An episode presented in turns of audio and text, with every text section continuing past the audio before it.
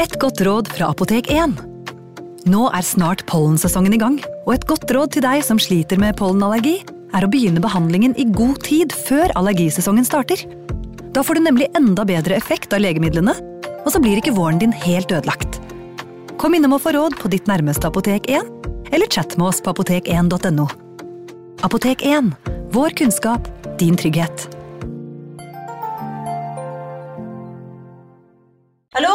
Jeg kommer fra Oslo politikammer.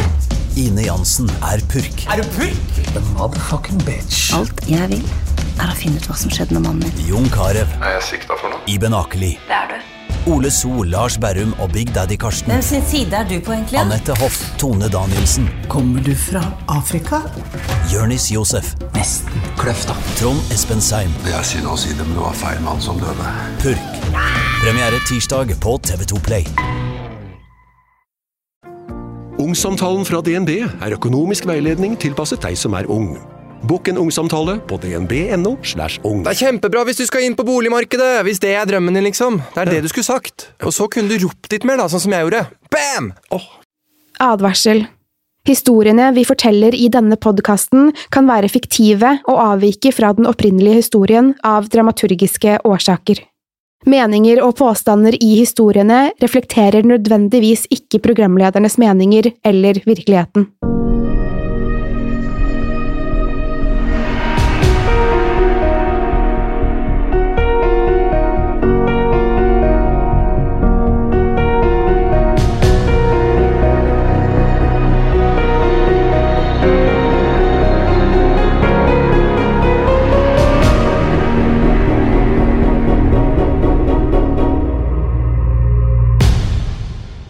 Pernille. Hallo! Hello. Hvordan går det? Det går veldig bra. Veldig bra. Ja, det gjør det. Det er har sjelden man hører. Jeg har en bra historie på gang. Oh, I så måte, ja. Ja. Um, jeg har eh, sett litt på Netflix i helgen. Det er ikke helt utypisk meg. Har du sett noe på Netflix? Jeg har det, jeg også, men jeg, vil, jeg har faktisk sett på fotball i helgen. Oho. Jeg så jentene Ja. vinne mot Nigeria, så det synes jeg var moro. ja. Jeg så ikke jentene vinne mot eh, Nigeria. Nei. Men jeg så på, eh, på Black Mirror. Ok. Black Mirror er, for de av dere som ikke har sett på det, så er jo det en serie, hvis jeg skulle forklart det, om fremtidige mulige scenarioer som kan skje på planeten, ofte relatert til teknologi og hvordan samfunnet utvikler seg. Mm. Som gjør at jeg av og til får noia, og hvor jeg blir bevisst bl.a. på eget mobilbruk, og også hvordan jeg eh, normalt sett ser på teknologisk eh, fremskrift. Men er det en sånn i serie hvor man tror at det er en FBI-agent inni telefonen som sitter og følger med på deg? Er, det en, er, det, er vi der? At han er i telefonen, eller at han hører på telefonen? Ja, eller avlytter og Ja det, det, ja, det kunne vært en episode. Jeg kan ikke huske at det har vært det, men det kunne vært en episode. Men gjerne sånn type eh, hvor, da, hvor skal AI Artificial Intelligence, intelligence for de som lurer på det. Eh, men så så jeg på noe som eh, Så det er sterkt anbefalt, og ettersom vi fikk så mye bra feedback på litt sånn eh, TV-serieanbefalinger i forrige uke, så begynte jeg også å se på På norsk så heter den 'Velkommen til Villefranche'. Oi, der har jeg vært! Har du det? Ja, jeg har det. Det er et det- veldig fint sted. Det er i Sør-Frankrike. Eh, ja, det er i hvert fall en skog. Eh, Mye skogsområder. Villefranche er jo et, en kystby, og, og, egentlig. Ja. Men uh, i virkeligheten, i alle fall. Ja, for at uh, som du ser på coveret her, så er uh, Villefranche Franche Kanskje er forskjellige steder i Ja, det må være to forskjellige Dette er et annet sted i Frankrike som heter Villefranche, eller France, France, eh, som er veldig skummelt. Ok. Og hvor skogen tar, og skogen gir. Oi, det høres gøy ut. Ja, veldig gøy. Eh, og jeg har kommet til episode tre, så jeg vet ikke helt hva som kommer til å skje. Eh, anbefaler den eh, på det sterkeste kun hvis du har sett alle A-seriene. Så hvis du ikke har sett A-seriene, typ liksom som vi pratet om Trapped, som er den islandske serien, som er mye, mye bedre, så er du rett på Villefranchen, vil jeg si da. Oi. Mm. Ja, den skal sjekkes ut. Har du sett noen snacks? Jeg har ikke det. Jeg har vært litt opptatt i helgen. Ehm, så jeg, jeg så på fotball på, på kvelden, men så har vi drevet og ryddet og ordnet litt hjemme, så jeg har liksom ikke fått satt med og sett på så mye. Mm. Så, men jeg gleder meg fortsatt til å se disse skrekkfilmene som kommer. Jeg. Det er jo, jeg klarer nesten ikke å tenke på Ja, hva er alle disse igjen? Det er jo den nye Annabelle-filmen. Mm. Kommer i slutten av juni. Så mm. kommer det en, den svenske eh, Eller det er ikke en svensk film, den handler om en svensk tradisjon. Eh, Midtsommertradisjonen, som er en av mine favoritthøytider eh, i Sverige, hvis man kan kalle det det. Um, det kommer en skrekkfilm, jeg tror det er i slutten av august eller starten på september. Og en skrekkfilm om midtsommerfeiringen, Mm. som jeg gleder meg veldig til å se. Alt som er nære Norge, blir uh, mer noia. Det blir det. Mm. Uh, by the way, eh, Pernille, så har vi tenkt litt på utgivelsestid. Mm. For at uh, til å begynne med så fikk vi veldig mange henvendelser hvis den ikke kom akkurat halv ni eller halv åtte, eller når det var. Og nå legger vi den jo ut på kvelden på tirsdager. Mens det vi ser, er jo at eh, det som kanskje er det smarteste, er at den kommer akkurat som True Crime-poden din. Den er jo klar til fredag morgen. Ja. Så her er beslutningen at Skrekkpodden nå fremover kommer sånn at den er klar når folk enten skal på skolen eller på jobb onsdag morgen. Ja. Stor endring. Kanskje ikke så stor, men Nei, det er ikke så store. Det blir jo det samme, samme podkasten. Det er bare lagt ut eh, litt senere. ja. Mm. Og så nærmer vi oss eh, veis ende av eh, første sesong, hvis vi skal kalle det det. da. Vi gjør det Eh, allerede. Ja, for snart er jo juli her, og vi tenkte jo kanskje å spørre folk om eh, litt tips lokalt i Norge. Steder som er eh, hjemsøkt, eller eh, skumle ting. For vi, vi tenkte da etter sommeren at vi kanskje kunne prate oss om litt steder som vi syns er eh, skumle, eller fascinerende eh, områder. Ja, vi vil jo gjerne snakke om disse hjemsøkte og skumle stedene i Norge også, eller i Sverige eller andre steder i verden. Det er jo morsomt å ta sånne ting også. Helt til England òg. Vi kan kanskje dra helt til England. Vi har jo vært der. Amerika? Ja. Du har jo vært i England, du, med Malkanisen. Det var jo, den var jo her på Akershus, men ja, her, men den er der Svarthunden, òg. Mm. Ja. Eh, Så vi vil jo utvide repertoaret vårt lite grann. Mm. Så har dere tips, så kan dere sende mail til skrekkpodden at modernemedia.no, eller sende på Instagram. DM, direct messaging. Ja, men ikke på Facebook. Jeg vil fortsatt der? Det er kan- Jeg er ikke så glad i Facebook. Ja, du kan, men vi er ikke så mye der. nei. Det er ikke sikkert vi får det med oss. Nei. Men eh, for å, for, for å utdype det sånn at folk skjønner enda mer hva jeg er ute etter, hvordan vil du Har du noe mer Har du, mer, har du et eksempel? Ja, jeg har mange eksempler. For eksempel eh, kirkeruinene på Nes. Ja. Eller eh, Den blå damen på det hotellet som jeg ikke husker eh, nå, som jeg nå trenger en, eh, at noen tipser meg om. Ja. Eh, det er jo mange sånne steder rundt omkring som vi hadde vært veldig gøy at vi snakket om. Mm. Og så kan vi jo si litt om hvordan vi helst mottar disse tingene. For veldig ofte så eh, får vi mailer eller eh, meldinger som er litt ufullstendige, som gjør det vanskelig for oss å skjønne hvor, hvor vi skal gå eh, etter vi har fått meldingen. Ja. Det vil si at hvis det er veldig lokale ting, og folk har et kallenavn på denne lokale tingen, så er det veldig ofte når vi gjør Google-søk at det ikke kommer opp så veldig mye. Mm. Så ta gjerne og legg ved linker. Det syns jeg er veldig nyttig. Det er helt supert. Og gjerne kall det det navnet som ikke bare er det man lokalt ville kalt det, men det som er på folketunge, som kommer opp i et Google-søk. Ja. Da er det vei i vellinga for oss å finne frem. Da blir vi fornøyde. Ja, Veldig fornøyde. Mhm. Pernille, du har en uh, fortelling i dag som er ganske lang. Den er ganske lang. Ja. Og jeg skjønte at tittelen var voldsom også. Ja, tittelen den, eh, Jeg har jo oversatt hele den historien fra engelsk, og den engelske tittelen er lang, og jeg vet ikke hvorfor de, de ikke har kalt det noe annet. Skal jeg lese den opp? Jeg kan ikke gjøre det. Ja. Den heter I was a part of the Queen's Guard in England. One of the rare jobs where you weren't allowed to move no matter what stands in front of you. So long title. Ja, så det var ikke noe verre enn det. Nei. Så jeg har jo ikke kalt det kalt uh, den akkurat det. Jeg har kalt den noe annet. Og jeg har vært litt usikker på hva jeg skal kalle denne historien. Mm. Fordi det er sikkert, når jeg leser denne tittelen her nå, så er det mange som kjenner den igjen, vil jeg tro. Fordi en av mine favorittpodder, som heter Creepypodden, har jo hatt denne før. Uh, det betyr jo ikke at vi ikke kan ta den, for vi er jo en annen pod, og vi har jo andre lyttere. Ja, vi er en annen podkast. Vi er det. Vi er jo ikke Creepypodden. Ja. Uh, I Creepypodden så kaller de denne historien for Slottsvakten. Ja. Så jeg har vært usikker på om jeg skal kalle den Slottsvakten eller Gardisten. Åh! Så, men er vi på Skal vi bare kalle den Gardisten? Eller skal vi bare kalle den Slottsvakten? Jeg vet ikke. Du vet hvem som skal avgjøre det? Ja, Han sitter på hjørnet her. han gjør det. Han er fra Sandnes. Skru mye lyd i Skrekkpodden, Historiepodden og True Crime-podden. Hågon. Ja. Vi kan uansett ta storyen.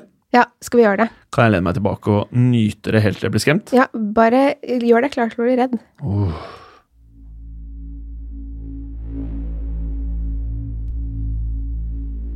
Dette skjedde med svogeren min for to år siden. Jeg forteller historien akkurat slik han fortalte den til meg. Han fremsto veldig ærlig og pålitelig da han fortalte dette, og vet du hva? Etter alt som har skjedd med meg, har jeg ingen grunn til å tvile på han. Om du tror på dette eller ikke, ja, det får være opp til deg. Her er det han fortalte. Jeg var i den britiske hæren. Du vet, to turer til Irak, én til Afghanistan. Moren min hatet det livet jeg hadde valgt, og for å være ærlig, så forstår jeg henne. Det verste er at det absolutt skumleste jeg noen gang har opplevd, hendte ikke en av de forferdelige, krigsutsatte stedene i Midtøsten. Nei, det hendte midt i sivilisasjonens sentrum, London. Etter å ha kommet tilbake etter mitt tredje utenlandsoppdrag, fikk jeg medalje av hæren. Det er visst slik at å kjempe mot Taliban i fjellene er nok til å bli beæret med slik. De tilbyr meg også en stilling som vakt på Slottet i Dronningens garde. Jeg er ikke sikker på hvor mye du vet om akkurat denne garden, men det er en ganske stor greie å få lov til å stå på Slottet. En stor ære, om du vil. Og jeg, jeg hatet det. Jeg var stasjonert hjemme på permanent basis som en belønning for mitt såkalte heltemot. Jeg sto nå foran en bygning, urørlig, mens irriterende kinesiske turister prøvde å få meg til å le. Jeg ønsket aldri å være der, men den store æren i å bli tilbudt stillingen, blandet med min mors lykke over at den største faren jeg ville bli utsatt for her, var en og annen turist, følte jeg at jeg ikke hadde noe annet valg enn å gjøre dette. Hadde jeg bare visst at jeg ville være tryggere i en hule i Kabul. Jeg hadde vakt ved Tower of London noen skift i uken. Skiftene var vanligvis to til tre timer lange, avhengig av hvor mange som jobbet den dagen. Jeg må bare si at den jobben blir kjedelig i lengden. Fulle folk som driver med deg, eller irriterende turister som tror de er de første i verden som prøver å få deg til å le. Noen ganger vil man bare stikke derfra, for å være ærlig. Men det var en jobb, og jeg fikk betalt, så jeg holdt kjeft og gjorde det jeg skulle. Denne ene dagen i 2012 startet like kjedelig som alle andre dager. Noen franske unge menn prøvde å tulle med meg. Fader, de er de verste, og jeg kan ikke gjøre noen ting hvis de ikke direkte truer meg heller. Så var det noen fulle russiske jenter, men de var ikke like ille. Varmen denne dagen fikk det til å føles som om hatten min smeltet fast i hodebunnen da en gruppe turister kom mot meg. De så ut som en slags guidet tur, og alle gjorde disse standardgreiene som å ta bilder ved siden av meg, lage morsomme grimaser, dra noen vitser, ja, du skjønner. Alle hadde kameraene sine med seg. De hadde like T-skjorter med et Big Ben-motiv. Alle, bortsett fra én. Jeg lot merke til at hun sto litt lenger bak de andre og bare stirret på meg. Hun var en pen dame, trolig i starten av 40-årene, med ganske mørkt og langt hår, veldig blek hud, som fikk meg til å tro at hun var britisk. Det så ut som hun var med i turfølget, siden hun sto sammen med de andre. Etter at turistene hadde tatt masse bilder og forstått at jeg ikke kom til å begynne å le, dro de videre. Alle, bortsett fra den bleke kvinnen, som fortsatt stirret på meg. Jeg har sett en del folk som prøver å gjøre rare greier opp igjennom for å få meg til å reagere, men dette var nytt. Ikke bare det. Damen ga seg liksom ikke. To timer og sikkert 100 turister senere sto hun der enda, på akkurat samme sted, stirrende på meg. Dagen var ganske så varm, og jeg tenkte at det kan umulig være noe behagelig å stå der så lenge, men jeg tuller ikke, hun var roligere enn det jeg var. Hun smilte ikke, noe jeg fant merkelig, for jeg antok at hun prøvde å få meg til å le. Cirka en halvtime senere, da de fleste turistene hadde gått andre steder, tok hun sakte et steg mot meg. Så et til. Ok, nå kommer vitsene, tenkte jeg oppgitt for meg selv. Hun brukte ganske lang tid på å nærme seg meg. Damen stoppet ca. en halv meter foran meg og så meg rett inn i øynene. Hun la hodet litt på skakke mot venstre, så til høyre, som jeg fortsatt trodde var et forsøk på å få meg til å le. Så forsto jeg at denne damen ikke var der for å tulle. Fortsatt stående rett foran meg, lente hun seg sakte mot meg. Det var noe så rart og ekkelt ved denne kvinnen at situasjonen gjorde meg nervøs. Hun mistet aldri øyekontakt med meg, ikke et eneste sekund. Hun fortsatte å lene seg mot meg, men føttene hennes flyttet seg ikke. Ansiktet hennes stoppet da det nesten var helt nære mitt, og stillingen hun sto i, var veldig rar og unaturlig. Hodet hennes begynte å riste, som når man kommer opp fra et iskaldt bad eller fra en kald dusj, du vet hva jeg mener? Det var da hun skremte livet av meg. Jeg har hatt folk skrikende opp i ansiktet mitt, til og med en idiot som prøvde å slåss med meg, men det hun gjorde, var så mye verre. Hun åpnet munnen sin så langt det gikk, som om hun skulle skrike så høyt hun bare kunne, men ikke en lyd kom. Ingenting. Hun bare sto der i den unaturlige posisjonen, kun centimeter fra ansiktet mitt, og skrek lydløst, eller hva det var hun gjorde med munnen på vidt gap. Ristingen ble verre, raskere.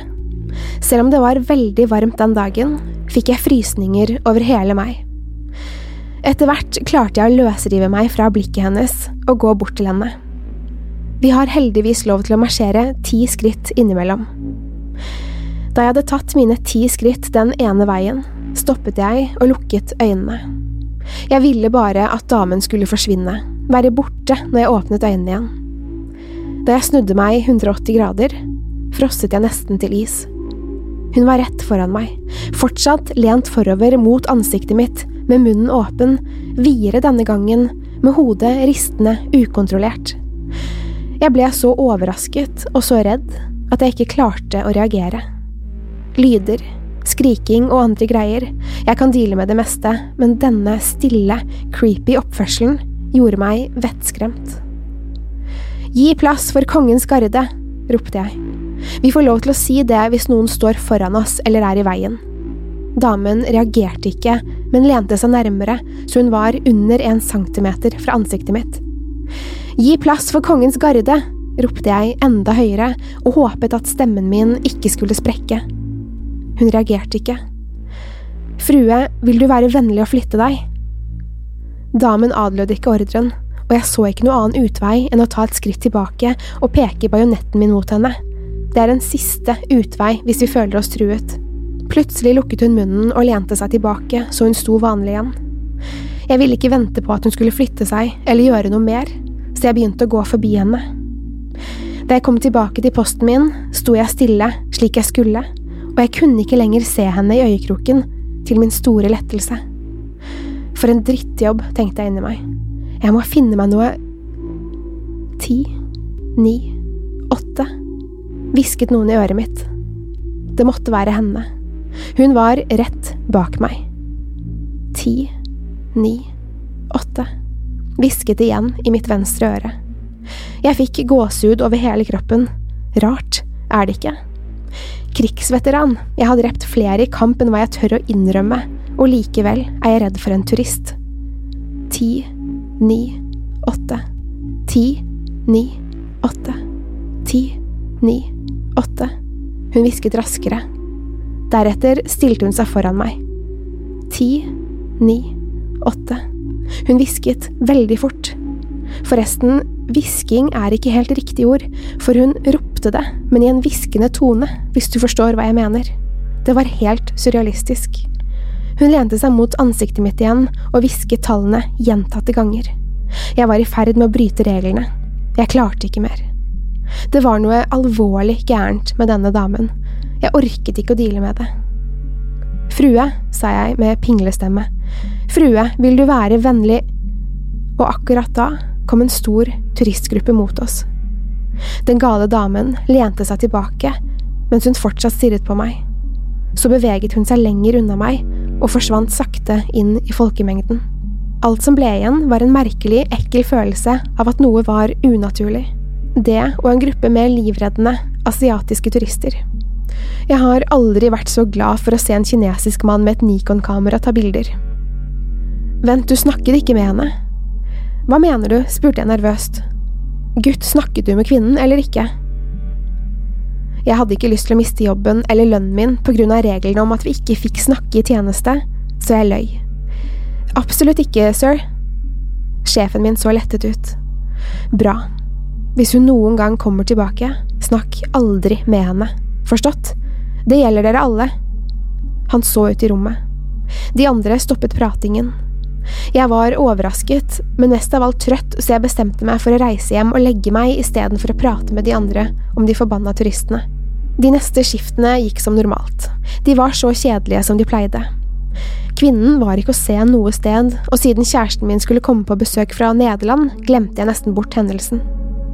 Tirsdag kveld, ca. klokken tre om natten, våknet jeg av et høyt bank på døren. Av en eller annen grunn var det første jeg tenkte at det var kvinnen fra hendelsen uken før. Elskling, gidder du å se gjennom kikkelhullet hvem som er utenfor? mumlet jeg mens jeg forsiktig dyttet bort til henne. Hun sov tungt, og jeg tror nesten ingenting kunne ha vekket henne. Halvveis våken snublet jeg meg ut i gangen og til utgangsdøren. Hvem er det? ropte jeg gjennom døren mens jeg tittet gjennom kikkehullet. Det var ganske mørkt ute. Det fikk meg til å bli mer våken. Hvem er det? ropte jeg igjen, men det eneste svaret jeg fikk, var den høye bankingen. Herregud da, mumlet jeg lavt og åpnet døren. Det er en million ting jeg heller ville se i døråpningen i det øyeblikket. Der sto den eneste personen i verden jeg ikke hadde forventet at skulle stå der. Kjæresten min. Jeg skulle hentet henne tidligere i kveld. Det var nesten så jeg mistet kontrollen over bena mine. Tusen tanker gikk gjennom hodet mitt. Jeg prøvde å rasjonalisere hva som skjedde. Takk for at du hentet meg på Heathrow, da, din dust, sa hun irritert og dyttet bagen sin mot brystet mitt. Jeg sto der, fortsatt målløs. Jeg reiser liksom hele veien fra Amsterdam for å treffe deg, og så glemmer du det? Virkelig? Jeg hørte hva hun sa, men likevel ikke. Jeg visste at jeg var i halvsøvne da jeg sto opp, men det var noen i sengen min da jeg våknet. Det hadde jeg ikke drømt. Bli her, mumlet jeg. Hva er det? Bare vent litt, bli her. Uten å vite hvor dette plutselige motet kom fra, gikk jeg mot soverommet, sakte og forsiktig. Jeg vet hva du tenker, i alle bøker og filmer går fyren bort og så er rommet tomt, ikke sant? Skulle ønske det var sånn. Jeg gikk inn på rommet, det var helt mørkt.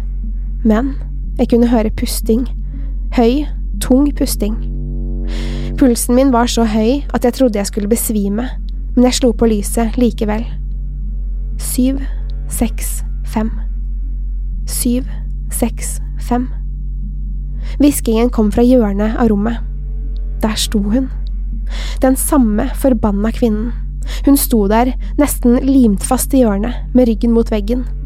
Hun så rett på meg, og selv om jeg trodde jeg hadde mistet evnen til å snakke, mumlet jeg, hva i helvete? Syv, seks, fem, sa hun og tok et skritt mot meg. Munnen hennes var vidåpen, som om hun skrek lydløst. For hvert skritt hun tok, beveget hun munnen og sa syv, seks, fem. Jeg klarte ikke bevege meg, det var som om ingenting i verden eksisterte annet enn denne kvinnen som gikk sakte mot meg. Det var en forferdelig følelse, for jeg var ikke fysisk redd for henne. Eller var jeg? Jeg kunne takle henne om jeg ville, og var klar til å slåss, men denne typen frykt var så fremmed for meg. Det var som om jeg var redd for sjelen min, på en måte. Jeg hadde sovet ved siden av henne, eller hva enn det var. Hun kom veldig nærme meg, bøyde seg fremover til hun var en centimeter fra ansiktet mitt. Jeg pustet ujevnt og høyt. Pusten min var det eneste i rommet. Syv, seks, fem. Plutselig fikk jeg en gjenkjennelig følelse. Hva i… Noen skrek bak meg. Det var kjæresten min. Jeg kom tilbake til virkeligheten igjen, snudde meg og tok tak i henne. Løp! ropte jeg mens vi var på vei ut av soverommet. Vi løp ut på kjøkkenet, og jeg rasket med meg en kniv. Kjæresten min gråt ved siden av meg, men sa ingenting. Jeg kunne høre fotsteg. Først så jeg skyggen hennes, deretter så jeg henne gå rolig gjennom gangen. Munnen hennes var på vidt gap, nesten unaturlig. Hun så ikke lenger på meg, men opp i taket mens hun sakte gikk bortover gangen mot døren. Hodet hennes ristet. Det var så surrealistisk.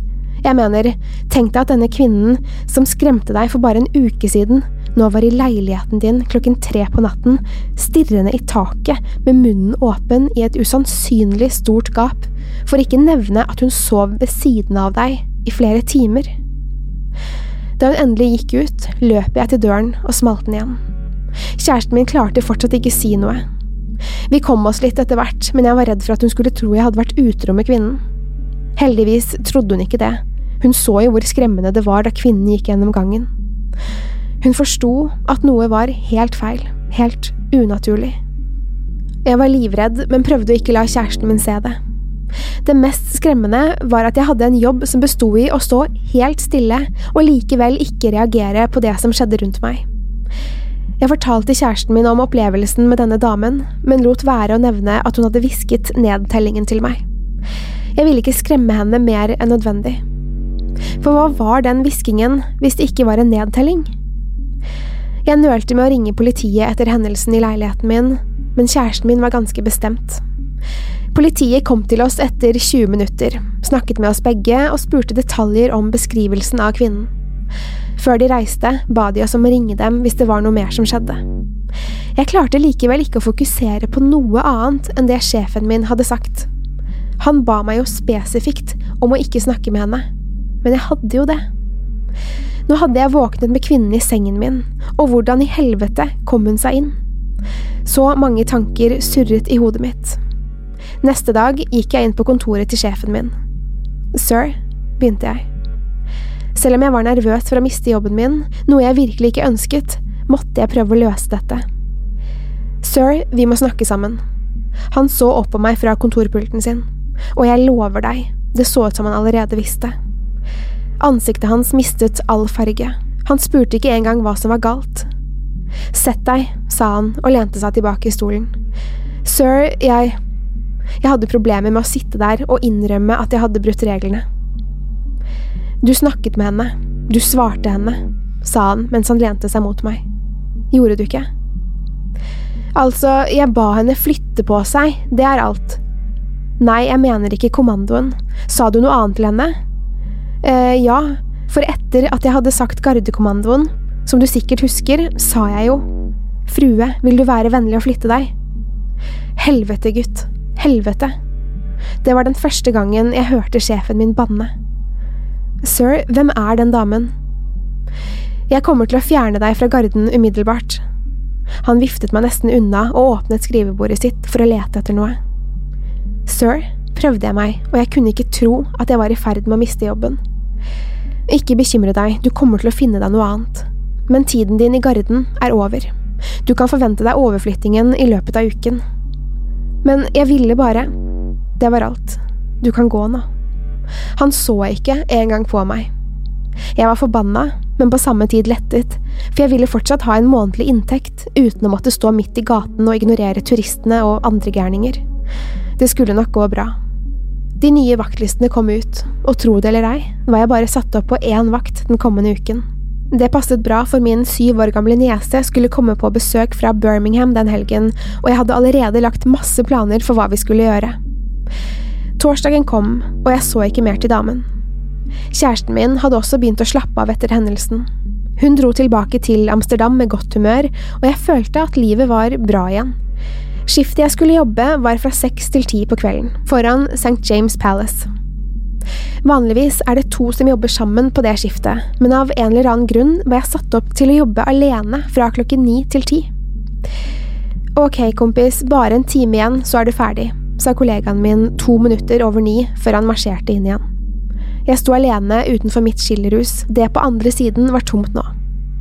Kvelden var uvanlig rolig og stille, men det hadde begynt å regne, så jeg tenkte at det sikkert var derfor. Halv ti, fortsatt regn, fortsatt stille og rolig. Fortsatt jævlig kjedelig. Nesten der, kvart på ti. Regnet var kraftigere, så jeg bestemte meg for å tilbringe det siste kvarteret inne i skillerhuset. Jeg snudde meg. Jeg skulle ikke ha gjort det. Der sto hun. Hvis jeg hadde vært forfatter nå, hadde jeg inngående skildret hvor forferdelig kvinnen så ut den kvelden, men la meg si dette. Det var simpelthen det verste, mest skremmende synet jeg noen gang hadde sett, og jeg har sett et barn bli drept av en landmine. Kvinnen sto ved åpningen i skillerhuset. Hun hadde på seg en hvit kjole som på en måte nesten skinte i det svake lyset. Men ansiktet hennes, helvete, ansiktet hennes. Hun så ikke direkte på meg, noe som gjorde alt enda mer skremmende. Hun så opp mot himmelen, eller hva det var der oppe. Øynene hennes gikk så langt bakover at jeg bare kunne se den nederste delen av pupillene. Munnen var vidåpen, og jeg er sikker på at det ikke var mulig å få det til hvis man er et vanlig menneske. Det er noe surrealistisk ved å stå foran et menneske som ikke oppfører seg rasjonelt. Til sammenligning, hvis du blir ranet, så vet du at de vil ha pengene dine. Eller hvis du blir beskutt, vet du at de prøver å drepe deg. Men den mentale skrekken finnes i det å ikke vite hva du står ovenfor, hva denne kvinnen egentlig ville meg. Klokken 21.49. Ok, elleve minutter igjen, så kan jeg endelig… Hun tok et skritt mot meg. Så et til. Ved omtrent en halvmeter foran meg stoppet hun. Så lente hun seg forover, den helvetes leningen. Ansiktet hennes stoppet nære mitt, og først begynte hodet hennes å riste sakte, så fortere og fortere. Det var en liten ristebevegelse som jeg har beskrevet før, som om man er iskald og skjelver av det. Pupillene var så høyt oppe at jeg nesten ikke så dem. Hodet skalv så fort at jeg lurte på hvordan det i det hele tatt var mulig. Og munnen, den var så unaturlig vidåpen at jeg tror jeg så blod i munnvikene der huden sprakk. Ingen lyd. Gatene var stille, muligens så stille som jeg aldri har opplevd før.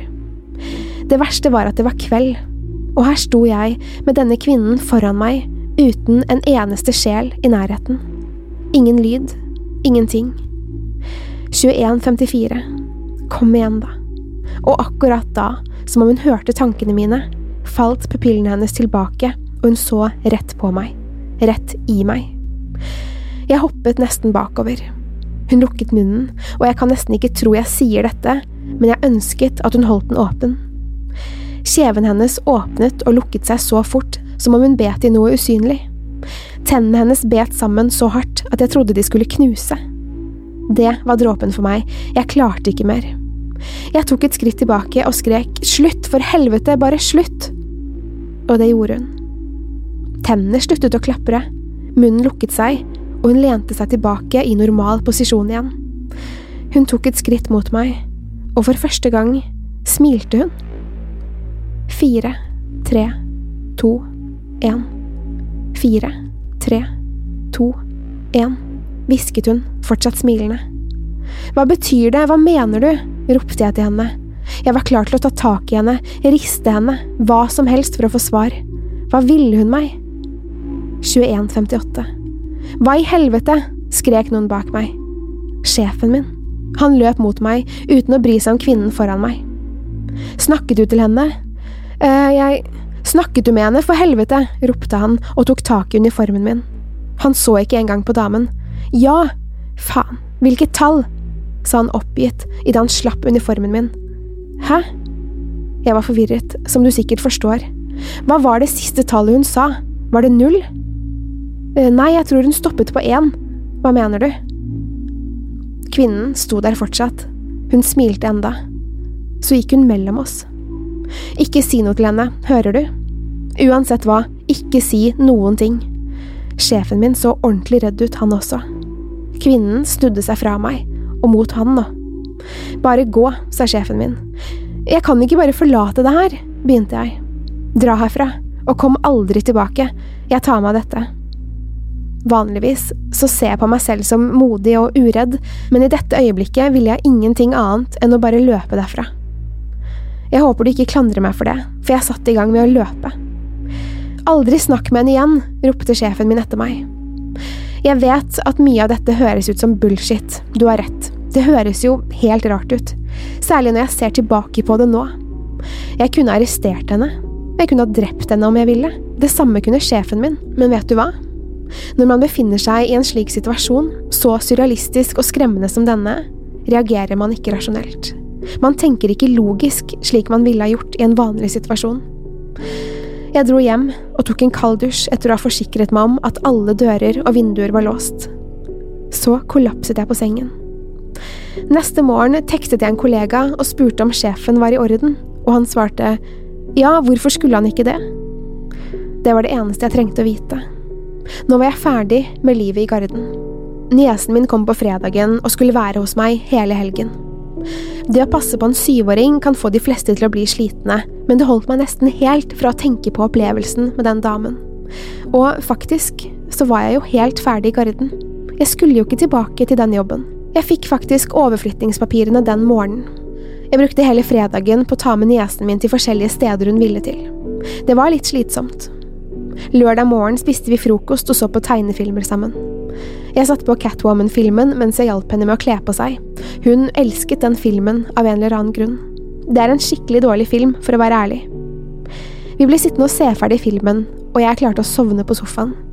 Niesen min vekket meg. Uki, sa hun. Hun kaller meg Uki. Uki, kan vi ikke leke litt? Hun holdt opp et par gamle walkietalkies. Jeg elsket å leke med sånne da jeg var barn, så jeg kunne ikke si nei til henne. Selvfølgelig, la oss leke med de. Vi får se om de virker, da. Kanskje du kan gå utenfor, så finner vi ut om vi kan høre hverandre. Niesen min lyste opp og løp ivrig ut av leiligheten. Jeg skrudde på min og hørte den velkjente sprakelyden. Batteriene virket, så nå gjensto bare å finne den riktige frekvensen. Ashley, Ashley, hører du meg? Over? Jeg forsøkte et par ganger. Ashley, hører du meg? Kan du høre meg? Over. Tull, hørte jeg i den andre enden, litt lavt. Ashley, da ikke tull, du må jo si over når du er ferdig med å snakke. Over. Tull, hørte jeg igjen. Ok, dette igjen, tenkte jeg. Hun hadde det vel morsomt. For lat til å gå utenfor, tok jeg ut batteriene og blåste på dem, for jeg satte dem inn igjen. Som om liksom det skulle fikse noe. Ok, Catwoman, kan du høre meg? Over. Null. Jeg mistet walkietalkien. Det var ikke Ashleys stemme. Det var ikke tull jeg trodde jeg hørte. Ashley! Jeg løp utenfor og hatet meg selv for at jeg lot henne gå alene. Ashley sto i hagen utenfor og holdt hardt på walkietalkien. Foran henne sto damen, bøyd mot den lille jenta. Null. Null. Null, sa kvinnen igjen og igjen, med ansiktet tett opp mot Ashleys livredde fjes. Jeg mistet besinnelsen. Dette var niesen min, og ingen skulle skade henne. Jeg løp mot kvinnen og taklet henne med nok fart til å være sikker på at jeg skadet henne. Med en gang jeg traff bakken, reiste jeg meg og tok tak i Ashley. Er du ok? ropte jeg. Tok hun på deg? Jeg tenkte ikke over hvor hardt jeg holdt henne, jeg skremte henne sikkert enda mer. Ashley gråt og klarte ikke svare. Vi går inn, sa jeg og snudde meg mot damen. Hun lå fortsatt nede med ansiktet mot bakken. Vel inne igjen kikket jeg ut gjennom vinduet. Damen begynte å reise seg og vendte seg mot oss. Jeg ringer politiet, sa jeg til Ashley, som fortsatt gråt. Ikke vær redd, lille venn. Det kommer til å gå bra. Kvinnen tok et skritt mot oss. Så til. Nesen hennes blødde, og hun var tydelig skadet. Hun haltet, men det så ikke ut til å plage henne. Jeg skal innrømme at jeg nesten frøs til is. Vi sto der sammen og så ut gjennom vinduet mens damen kom sakte mot oss. Politiet er på vei, sa jeg til Ashley. Kvinnen kom helt opp til vinduet, men hun så ikke lenger på meg. Hun lente seg mot Ashley. Det stakkars lille barnet lente seg mot meg mens hun klemte hånden min så hardt hun klarte. Damen lente seg helt nærme vinduet. Bare glasset skilte damen fra Ashley. Jeg skulle til å ta med meg niesen min inn i et annet rom, langt vekk fra det vesenet, da kvinnen åpnet munnen. Hun lukket den med en gang i et smil. Hun byttet på å åpne munnen og smile, mens man bare kunne se det hvite i øynene hennes. La oss komme oss vekk, sa jeg til Ashley mens jeg løftet henne og tok henne med til soverommet. Politiet kom etter rundt 15 minutter og begynte å lete etter damen i nabolaget. De fant faktisk en kvinne som passet beskrivelsen, og arresterte henne. Jeg skulle dra til politistasjonen for å identifisere henne, men måtte ta med Ashley til togstasjonen først. Moren hennes ville forståelig nok ha henne hjem med en gang etter hun hørte hva som hadde skjedd. Jeg kjørte Ashley til toget og fikk en konduktør til å holde et ekstra øye med henne frem til hun skulle av. En veldig hyggelig konduktør lovte å passe på henne og vise Ashley alt som var spennende med tog. Endelig smilte hun igjen. Idet toget skulle til å kjøre, leiet konduktøren Ashley opp på den lille trappen til togvognen. Si ha det til onkel nå, vi kjører straks, sa han og smilte. Ha det, Ashley, si til mamma at hun skal ringe meg når du kommer hjem, ok? Hun svarte meg ikke, noe som i og for seg var forståelig. Hun var sikkert fortsatt redd. Herregud, jeg var fortsatt redd selv. En beskjed lød over høyttaleranlegget, og konduktøren åpnet døren inn til vognen og dro lett i armen hennes. Ashley rørte seg ikke. Hun så opp på konduktøren. Nå må vi gå, sa han. Ashley åpnet munnen mens hun så på konduktøren. Vi må gå inn nå, snart kjører toget, sa han igjen. Kom, da. Idet han og Ashley gikk inn i vognen, hørte jeg henne si ti, ni, åtte, ti, ni, åtte.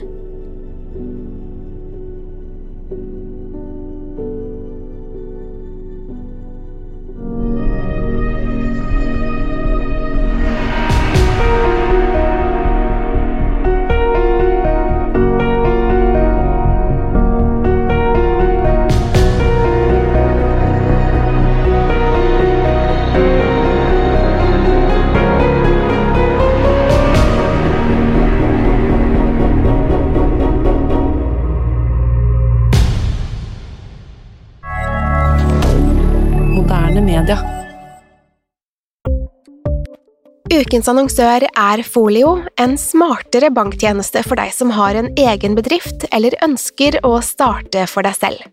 Folio er en superenkel nettbank for bedrifter. Som kunde i Folio får du en bedriftskonto med et bedriftskort og app. I denne appen er det smarte løsninger som forenkler regnskapet ditt, uansett om du har en liten bedrift eller et enkeltpersonsforetak. Folio er både intuitivt og brukervennlig, og er laget med et enkelt språk. I tillegg tilbyr de forutsigbare priser og ingen skjulte gebyrer. Skulle du likevel trenge det, så kan du snakke med deres raske og hyggelige kundeservice, og der får du prate med en faktisk person og ikke en chatbot. Folio er med andre ord både enklere og koseligere enn banken. Over 10 000 bedrifter har allerede valgt Folio som sin banktjeneste, så besøk folio.no og se hvordan Folio kan forenkle din hverdag også. Har du et enkeltpersonforetak eller en liten bedrift? Da er du sikkert lei av å høre meg snakke om hvor enkelt det er med kvitteringer og bilag i fiken, så vi eh, gir oss her, vi. Fordi vi liker enkelt.